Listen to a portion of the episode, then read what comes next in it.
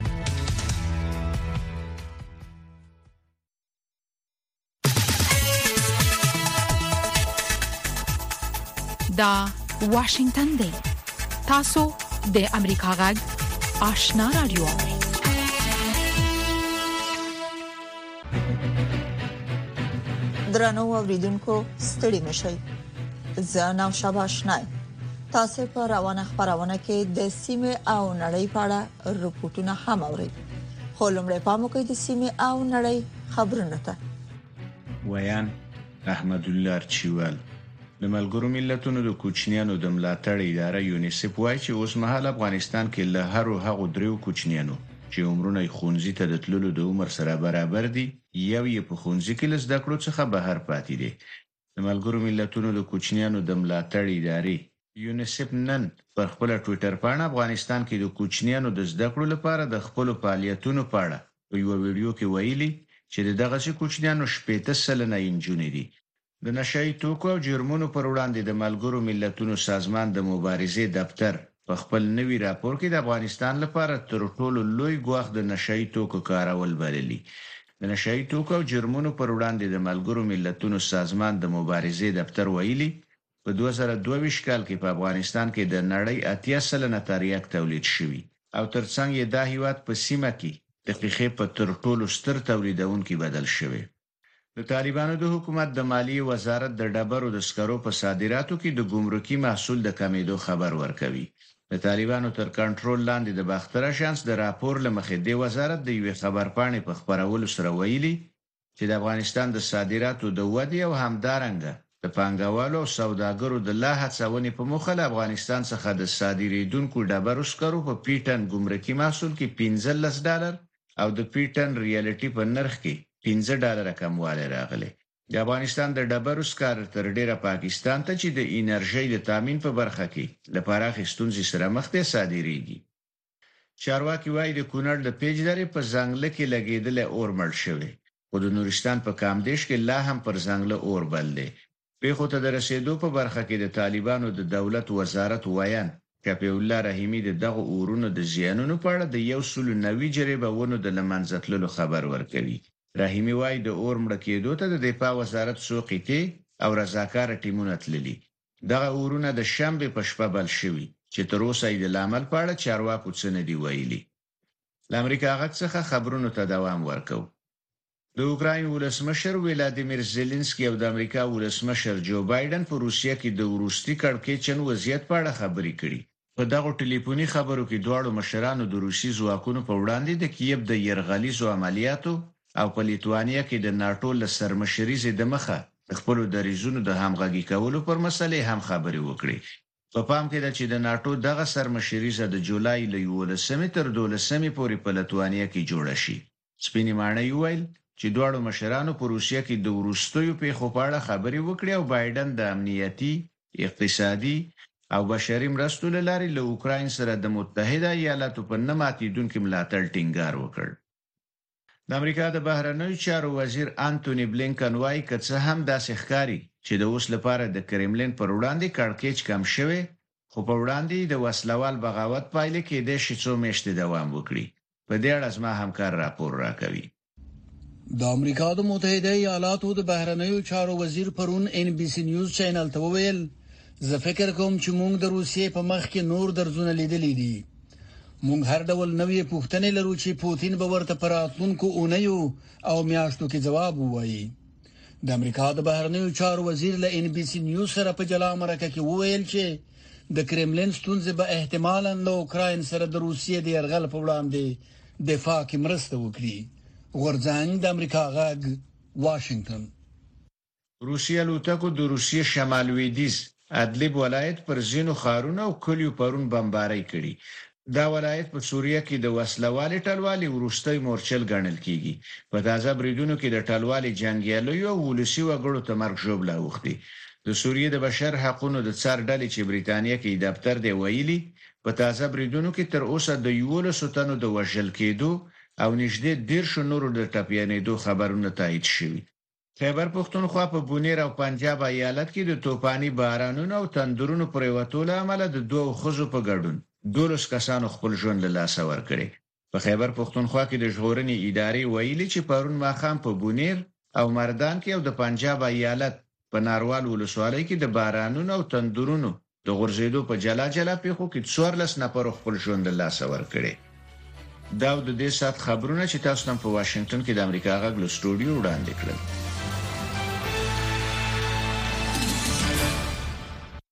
د سیمې او نړۍ خبرونه مو واوریدل، په موقع د سیمې او نړۍ په اړه رپوټونو ته. د طالبانو د حکومت سیمه ییز چارواکي وایي چې د کونړ او نورستان د ولایتونو په ځنګلونو کې د اور د مهارولو هڅې لا هم روانې دي. خو لا هم د دغه ولایتونو د ځنګلونو په ځنو برخو کې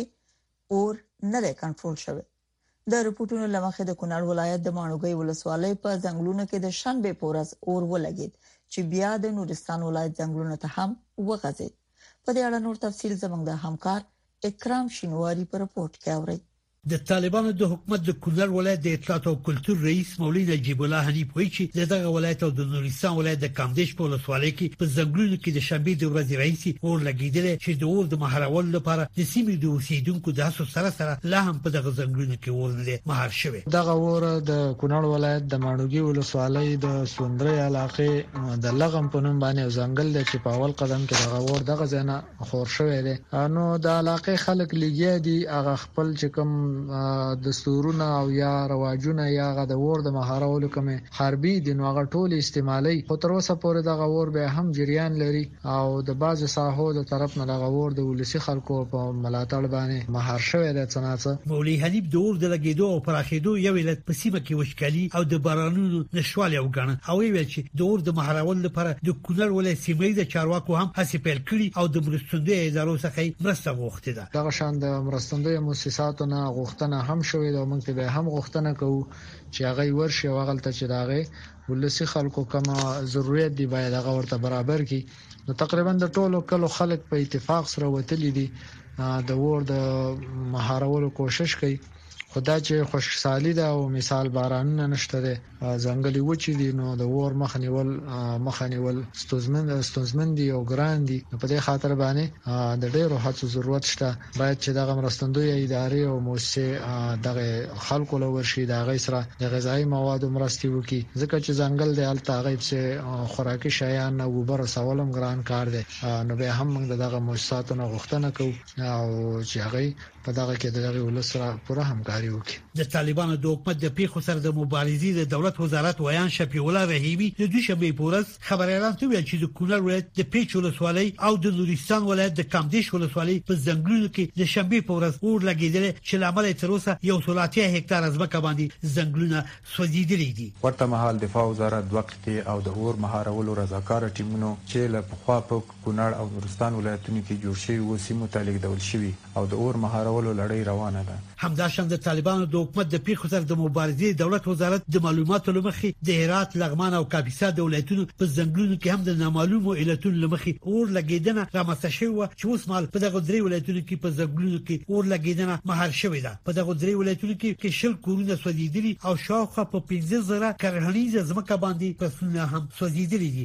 افغانستان کې هر کال د مختلفو علتونو لمخې په ځنګلونو اور لګیدنه رامنځته کیږي چې په پراخه کچه د ځنګلونو د سوځیدو سبب ګرځي تیر کال همدا مهال د ننګرهار ولایت د هسکې مینې ولسوالۍ په ځنګلونو کې اور لګیدلی چې دغه ولسوالۍ د ځنګلونو یو برخه یې سوځولې و د خوست ولایت د مساخیل او کلندرخیل ولسوالۍ په ځنګلونو کې هم د تیر کال د جون په میاشت کې اور لګیدلی چې وروسته دغه ولایت د رضاکار ځوانانو لخوا کابو شو همدا شان تیر کال همدا مهال د کونړ د چپی دلی ولسوالۍ اړوند د لوی خور سیمې ځنګل کې اور لګیدلی چې بیا د سیمې د خلکو په مرسته مهار شوی وو همدا شان تیر کال د نورستان ولایت د نورګرام ولسوالۍ د شام دری په ځنګلونو کې هم اور لګیدلی چې په سلګونو جریبه د نخترو جلغوزو څېړیو او نورو مثمرو او غیر مثمرو ونو ځنګلونه یې سوځولي وو. په ځنګلونو کې د اور لګېدنې دغه بهیر په چاپېریال او ژوو ناوړه اغېزه کوي. اندېښنه موجوده ده چې د ځنګلونو اور به د سیمې د خلکو اقتصاد هم ټکنی کړي.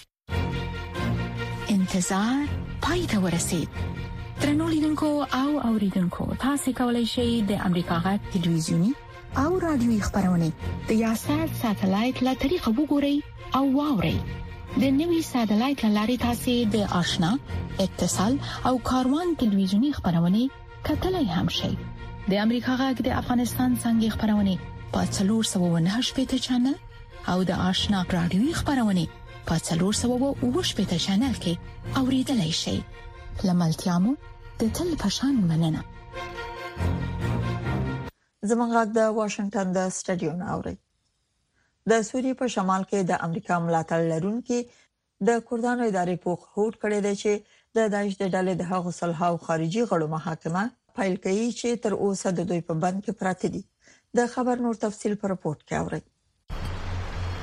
د سوریې په شمال کې د کوردي چارواکو په وینا د داعش د ډلې دغه بهرني غړي چې له کلونو راهیسې د دوی سره په بند کې پراته دي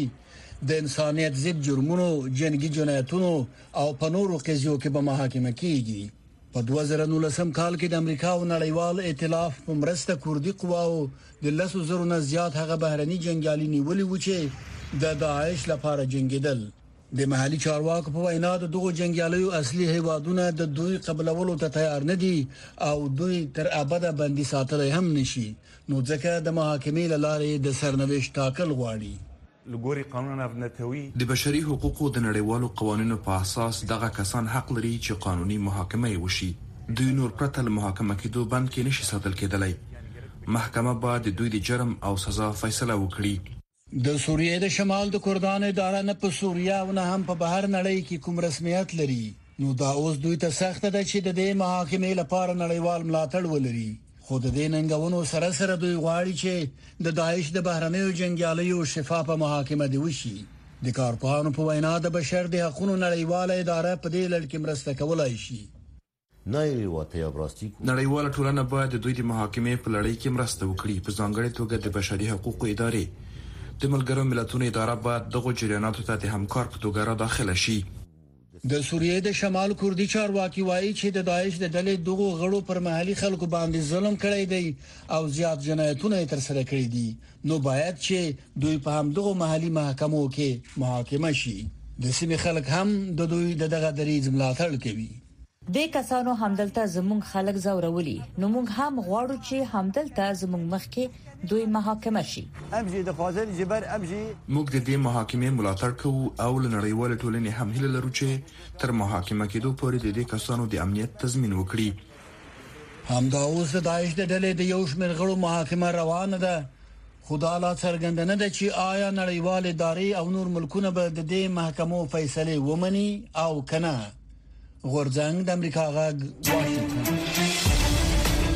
متضاد اړخونه بیلابیل دریزونه د سپیناوي تود مخامخ بحث او په اخر کې قضاوت ستاسو پر مهمو سیاسي، امنیتي، اقتصادي او ټولنیزو مسایلو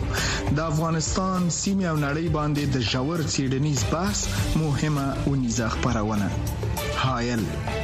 د هرې جمعې په ورځ د افغانستان په وخت د ماخام ونیمونه تر اته بجو پورې د امریکا غږ د سټلایټ لارې په ژوندۍ بانه هایل د امریکا غږ د روانو چارو نوي ټلویزیونی خبرونه د سیمه او نړۍ په اړه رپورټونه د امریکا غږ آشنا رادیو د واشنگټن د سټډیو ناوړي د ټایټان په نوم د کوچني ډوب شوی اوپټل پلټنه هغه مهال پای ته ورسیده چې په شمالي اتلانتیک بحر کې پلټونکو د دغه بیړۍ ټوټې وموندلې او د اوبتل د لمنځه وړو یې خبر ورکړ. په دغه اوبتل کې سپاره ټول پنځه تنه چې د ډوبې شوې ټایټانه کشتۍ لیدو ته روان شوي وو مړه شوي. اوس پلټونکي غواړي پوه شي چې د ټایټان اوبتل د ویجاړېدو لامل څه و. تفصیلي په رپورټ کې اورئ. هغه څه چې د کاناډا د نیو فاونډ لینډ ساحل ته نږدې د سمندر لاندې د ټایټانیک ویجاړې شوي بیړۍ د سیل او تفریح په موخه پیل شوي وو تیره اونۍ په غم پای ته ورسیدل. ټول هغه پنځه کسان چې د سمندر د لاندینۍ برخې د څیړنو د یو شرکت اوشن ګیټ په ټایټن ایکسپیډیشن اوبتل کې سپاره وو هغه مهال مړه شول چې اوبتل په بحر کې لاندې ویجاړ شو اوس کاناډايي پلټونکي هڅه کوي ترڅو معلومه کړي چې دا پېښه څنګه رامنځته شوه. معمولاً زموږ پلټنې له اتلسو میاشتو څخه تر دوو کلونو پورې وخت نیسي. موږ هڅه کوو چې دا کار ژر تر ژره ترسره شي. موږ پوهیږو چې خلک ځوابونه غواړي. په ځانګړې توګه کورنۍ او نور خلک. چارواکي وايي اوس د ټایټانیک بیړۍ ته نږدې د ټایټن اوبتل ټوټې هم پرتې دي. د پي بي سي په وینا په دوه زره اتلس کال کې د اوشن ګیټ شرکت د سمندري عملیاتو پخواني مشر محکمې ته په یوې قضیه کې ویلي وو چې د دې شرکت ازموینې او تصدیق کافي نه دی او دا کار سپرلی د سخت خطر سره مخ کوي. د کاناډا شاهي پولیس یا آر سي ایم پي وایي چې په دې اړه پلټنې روانې دي. د پلټونکو یوه ډله د دې پوښتنې ځوابولو لپاره جوړه شوې ده ترڅو ښکاره شي چې د کاناډا شاهي پولیسو ته د دې دوسیې د پلټنو امر شوی او کنه دا ډول چیرنه مونږ یوازې هغه وخت پر مخ وړلې شو چې جنایي فدرالي یا ولایتي قوانين تر پخو لاندې شوي وي د اسوشیټډ پریس د وروستي راپور لمخې د اوشن ګیټ ایکسپیډیشن مشر او د ټایټن پیلوټ سټاکټون راش د اوپتل لمیارونو او خوندیتوب ډاډه وو د کاناډا د ترانسپورت د خوندیتوب بورډ یا ټي اس بي د پولر برنس په نامه د هغې بیړې په حق لڅړنې کوي چې د ټایټن اوپتل بهر ته وړي وو د کاناډا د ترانسپورت د خوندیتوب بورډ ویلي چې دوی د دغې بیړۍ له کارکوونکو سره خبرې کړې دي، خو د کاناډا د قانون په نظر کې نیولو سره دا خبرې له خلکو سره نه شي شریکولای. احسان الله اریوبزی امریکا غږ واشنګټن.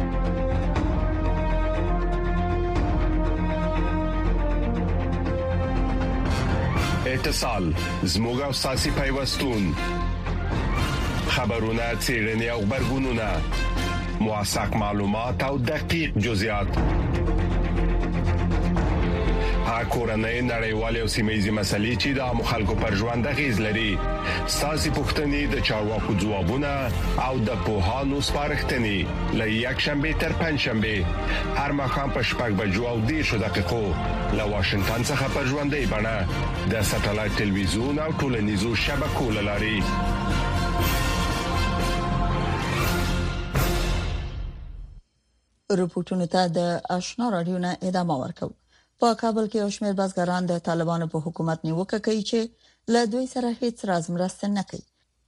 او په وینا یې د سړو خونو نشټواله د دوی له عمده ستونزو ګڼل کیږي او هر کال له توانونو سره مخ دي په ورته وخت کې د طالبانو د حکومت د کرهڼې وزارت بیا وایي چې د سړو خونو جوړولو ته پلانونه لري محمد ابراهیم مومند په دې اړه رپورت لري د کابل ولایت د دیسد ولسوالۍ د بیلابیلو میوو حاصلاتو له اړخه مهمه سیمه شمیرل کیږي خو بزګران یې ګیله کوي چې د سړو خونو نشتون یې روزګار سخت کړی دی چې له امله یې خپل محصولات د بازار د ضرورت له مخې د ډېر وخت لپاره نه شي ساتلی او مجبور دی چې په ډېر کم قیمت خپل محصولات خرڅ کړي چې له امله یې آن خپل لګښتونه هم نه شي پوره کولی او له تاوان سره مخ دي.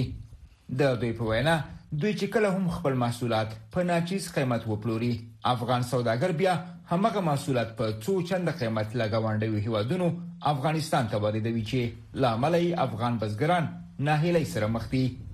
مونږ د بازا د باغ په مشکلاتو کې دا مخامخ یو چې کوم وخت کې زمونږ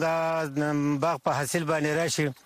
دومره ارزانه راشي چې هغه کوم شی چې کوم دی هغه بیا د مزدور اندازه مو پر بازار بازار زمونږ نه بازار زمونږ نه یا او دغه رنګ نیم قیمت نه چې د درې مېسه په قیمت باندې نه خرڅېږي یخې خونې نشته دی نور سټورونه نشته دی د حکومت کوم قرارداد د کوم ملک سره نشته دی لکه پیاز پیاز پروس کله مونږ سل روپۍ خرڅ کړو که شنه خونه موږ مثلا دا په شنو خونو کې ذخیره کړي وای راټول کړي وای نو موږ خپل دولت لپاره د وطن لپاره ځان ته یو سرمایه وه نو مغه پیاز موږ ته اوس بیرته له پاکستان نه راځي من په څلور سوه څلور نیم سوه روپۍ موږ باندې خرڅېږي چې د هغې بازار یعنې وړ هم نه دي خو موږ باندې دوه چنده خرڅېږي ځکه موږ ساتنه نسو کولی خونې ورته نه لرو جای ورته نه لرو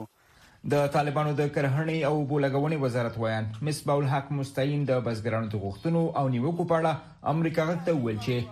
دوه قسمه سړې خونې شتون لري چې هیواد کې اوس مهال شاوخوا دولس زره سړې خونې شته چې یوازې د دوه درې میاشتو لپاره محصولات ساتلی شي خو د دوی د ارزیابۍ له مخې ټول افغانستان کې څلور سوه شل څخه تر څلور سوه پنځوس پورې معیاري سړو خونو ته اړتیا ده چې د زیات وخت لپاره د بزګرانو محصولات وساتل شي. کروندګرو د ستونزو د حل لپاره موږ پر دې باندې د خصوصي سکتور سره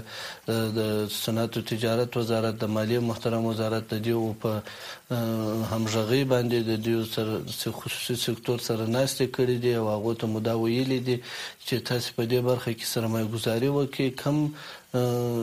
شیان یا ضرورات چې تاسې لرئ، لکه اوس د مځکې ضرورت شو، د برق ضرورت شو او یا د مالیې او د دې شیانو کې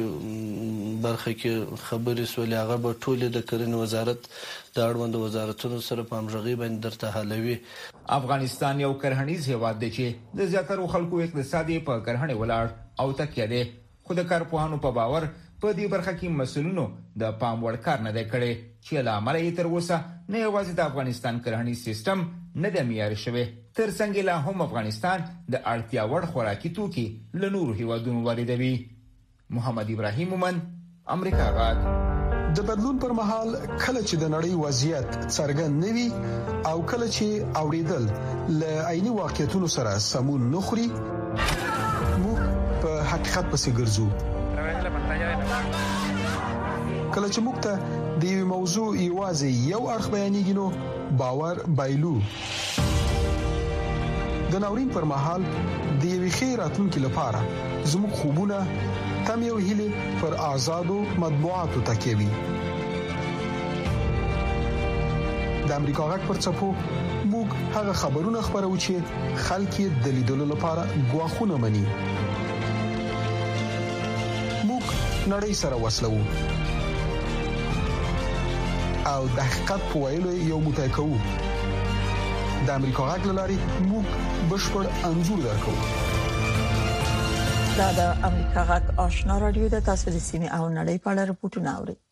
سعودي عربستان د حج د زیارت کوونکو د اسانتیاو لپاره اوس د زیرکو کارتونو، روباټونو او مصنوعي زیرکتیا کارولو ته مخه کړې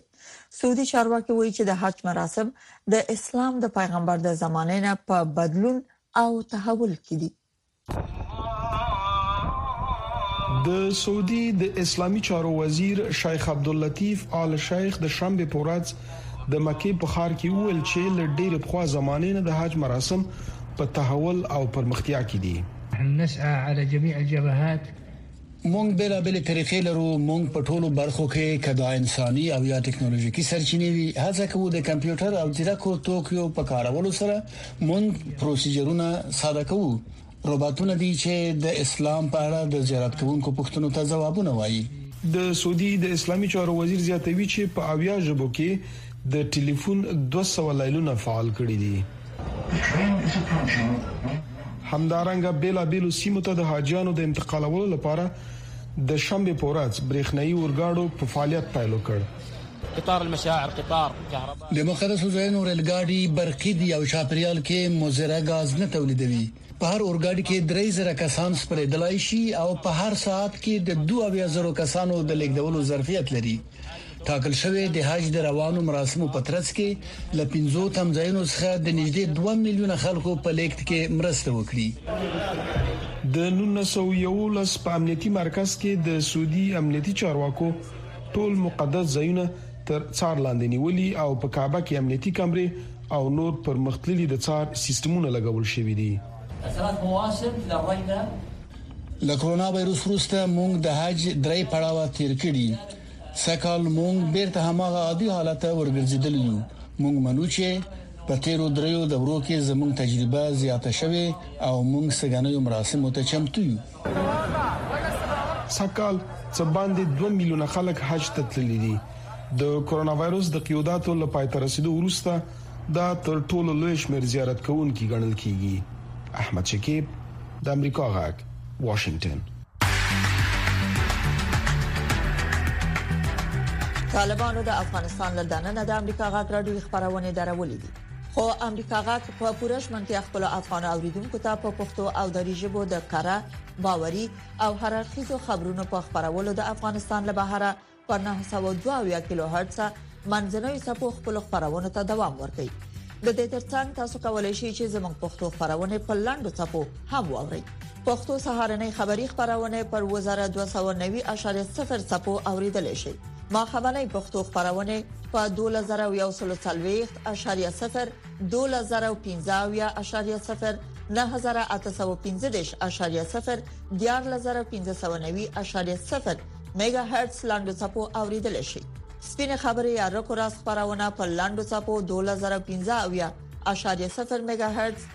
د نن او وضعیت یا روایت امروز خبرونه په لاندو چپو 2041.0 9915.0 2015.0 او ساسه غټ یا صداي شما خبرونه په لاندو چپو 2015.0 نهه زره درې سوه پنځه پنځوس ميګا هرتز اوریدلای شئ. تاسو زموږ غږ د واشنگټن د سټډیو نه اورئ. د روسیې د جمهور رئیس ولادیمیر پوتین په وړاندې د واګنر ملیشه ډلې د ګواښ وروسته امریکا په پام کې لري چې د اوکرين په ملاتړ تمرکز وکړي د امریکا غږ د خبريالې ویرونکیا والرایز الیکسیاس د رپورت لمخې څېړونکي په دې باور دي چې دا کار د واګنر د لنډمهاله بغاوت له امله کېږي. تر هغې وروسته چې د واګنر ملیشه جنګیالیو ډلې مشر یوفګیني پریګوژین او د هغه جنګیالیو د مسکو پر لور د بغاوت کولو په شا شول، د روسیې په مرکز مسکو کې د یکشنبې ورځ ارامه وه. دا لا هم نه ده معلومه چې د دې وسلهوال ګواښ چې د بلاروس په منځګړیتوب پای ته ورسېدو، له امله د روسیې د جمهور رئیس ولادمیر پوتین په حاکمیت به کوم احتمالي اغېز ولري که نه؟ پریګوژین د روسیې د پوځي مشرانو په وړاندې خپل انتقادونه له دې امله زیات کړي چې د اوکراین د جګړې سم مدیریت یې نه دی کړی. د امریکا د بهرنیو چارو وزیر انټوني بلېنکن د ای بي سي ټلویزیون دا اونۍ خپرونې ته وویل، چې واشنګټن هر څه له نږدې څاري. دا باور چې دا يرغل د روسیې لخوا په ناسمو دلایلو پیل شوی یا دا باور چې اوکراین یا ناتو په یو ډول روسیې ته ګواښ پیښوي او باید پوځي مقابله وشي دا خبره د پخوا په پرتله اوس ډیره روښانه شوې ده خو دا چې دا حالت کوم لوري ته ځي په دې تر اوسه موږ هم نه پوهیږو بلېنکن وايي امریکا به د اوکرایني ځواکونو ملاتړ ته دوام ورکړي. تر یوې کچې که د روسانو ترمنځ اختلاف زیات شي، دا به د اوکراین په وړاندې د هغوی د یرغل محاکمه نوره هم ستونزمنه کړي. بل طرف البته چې د روسیې په څېر یو لوی هېواد کې بې ثباتي د اندېښنې وړ مسئله ده. د دفاعي چارو یوه ارزوونکې مارینا میرون وایي، د دې تصمیم وروسته چې واګنر به د بغاوت له امله نه محاکمه کوي، پوتین به ممکن هڅه کړي چې د خپل موقف د لا زیات خرابېدو مخه ونیسي. په دې کار کې وینه تویه نه شوه، نو پوتین پوهېده چې څه ډول اقدام وکړي، او د پردې تر شا رامنځته شوی وضعیت په یو ډول مدیریت کړي. د بریټانیې د وسله وال پوځ پخوانی لوی درستیز متقاعد جنرال ریچارډ ډانیټ د سکای نیوز ټلویزیون ته ویلي چې که احتمالاً د یوې جوړې له مخې د واګنر مشر په بلاروس کې پاتې شي، هغه به ممکن د اوکراین پر ضد جګړې کې لا هم یو مهم نقش ولوبوي. که هغه بلاروس ته تللی وي او هلته تیار شی ځواکونه له ځان سره ولري بیا نو هغه د اوکراین په تخر کې کیف ته نږدې بیا لوی ګواښ پیښولی شي. په دې وضعیت کې جنرال ډانټ اوکرایني ځواکونو ته مشوره ورکوي چې ډیر محتاط اوسئ نن او وضعیت د نړۍ سیمه او د افغانستان پر روانو چارو او د ننني وضعیت په حق لا خبرونه راپورټونه مرکه او تحلیلونه هر شپه نه بجې د امریکا غږ آشنا رادیو نه اوري